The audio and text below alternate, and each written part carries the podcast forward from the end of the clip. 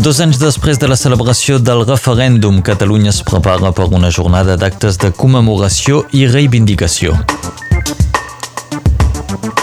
Tornem sobre la mort d'un pare i, la seu, i el seu fill. I, perdó, i la seva filla van ser retrobats morts de mort violenta a Sayagusa. I les obres de rehabilitació de la carretera 116 començaran dilluns vinent, ho va anunciar ahir la prefectura.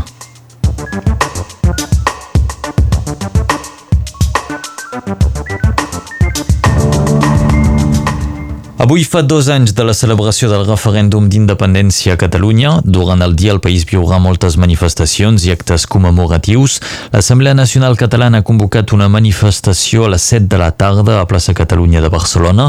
Més tard, a partir de les 8 i mitja, l'ANC també organitza quatre marxes de torxes fins a la presó dels Lledoners en solidaritat amb els presos polítics.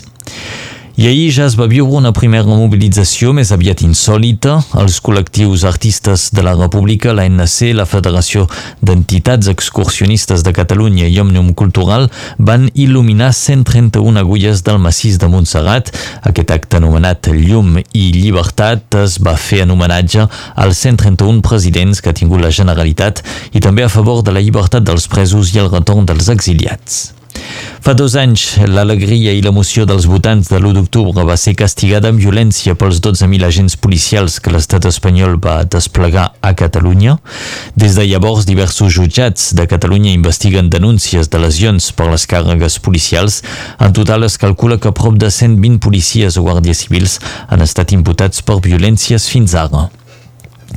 I Jordi Cuixart i Jordi Sánchez van publicar ahir un article conjunt en el qual encoratgen la gent a tornar a sortir al carrer de forma pacífica. El text titulat La llavor de la llibertat també denuncia que l'única violència que ha viscut Catalunya des del 2017 és la de l'estat espanyol. Jordi Sánchez i Jordi Cuixart porten més de 700 dies tancats a la presó. Ciutadans ha presentat una moció de censura contra el president de la Generalitat. La moció es basa en una presumpta relació entre Quim Tor i els detinguts de l'operació Judas, acusats de terrorisme.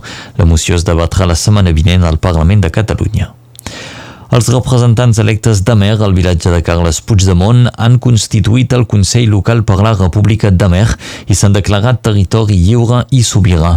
En la declaració es diu que el Consell serà l'única institució lliure i no sotmès als poders de l'estat espanyol i que només reconeixerà el Consell de la República com a institució lliure i sobirana de la República Catalana fins a assolir la independència efectiva de Catalunya i la intersindical CSC, Intersindical Alternativa de Catalunya, han registrat dos preavisos de vaga general a Catalunya pel dia 11 d'octubre.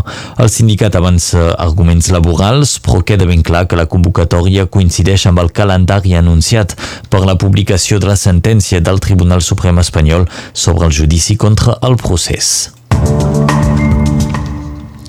Informació nord-catalana. A Sayagusa, la gendarmeria segueix investigant la mort d'un pare i la seva filla de 8 anys diumenge a la nit en una residència del municipi. Segons el Ministeri Públic de Perpinyà, la investigació apunta cap a un infanticidi seguit d'un suïcidi. El germà bessó de la nina va ser trobat sa i estalvi a l'apartament, va ser hospitalitzat en estat de xoc. Ja es coneix el calendari de les obres de rehabilitació de la carretera 116.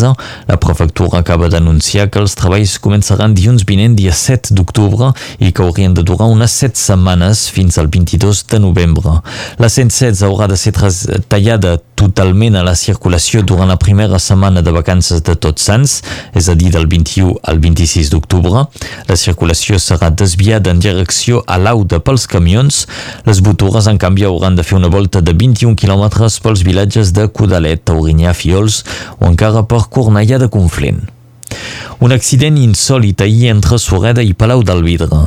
Un anglès de 82 anys es va descuidar que no estava a Anglaterra i va circular per l'esquerra, per tant, a contrasentit. L'avi britànic va xocar contra una botura que li venia de cara.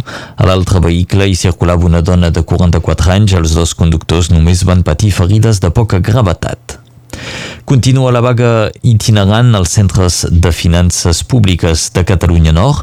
Els treballadors segueixen protestant contra el tancament de diversos centres del Tresor Públic i contra la retallada de llocs de treball. Avui seran els treballadors de Sant Llorenç de la Salanca qui prendran el relleu i bloquejaran el centre de finances. El vilatge, el vilatge perdó, de Puigbalador al Capcí tornarà a tenir una estació d'esquí. Després de dos anys de tancament per culpa d'importants problemes financers, un antic batlle del vilatge vol rellençar l'activitat. Es tracta de Julien Sabartés, que preveu invertir prop de 600.000 euros per un projecte sobre quatre temporades. Les obres per rehabilitar l'estació començaran aviat. L'estació hauria d'estar en funcionament a finals de novembre. El contracte per reprendre l'estació de Puigbalador serà signat avui mateix. I acabem amb un ovni que va passar ahir sobre Catalunya. Els testimonis són nombrosos i tots coincideixen en la, en la descripció d'aquest fenomen. Ahir al matí, a les 10.59 del matí, moltes persones van veure una mena de bola de foc molt brillant. Alguns fins i tot van sentir unes explosions. S'han trobat testimonis des de l'Empordà fins al Segrià, passant per molts punts de Catalunya. El pas d'aquest bòlid fins i tot va ser registrat per les estacions sísmiques de l'Institut de Ciències de la Terra Jaume Almera de Barcelona. Fins ara les autoritats no han avançat cap explicació.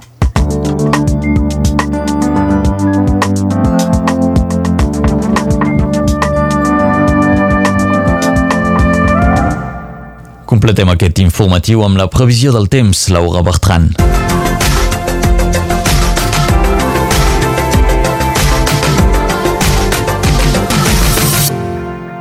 Sol al matí, pluja a la tarda i vent al vespre. El temps canvia aquest dimarts. Si el dia comença amb un ambient ben assolellat i el cel blau, aquesta tarda arribaran pluges i tempestes que afectaran tot el país. El vent és quasi inexistent aquest matí, només una mica de marinada fins a 15 km per hora.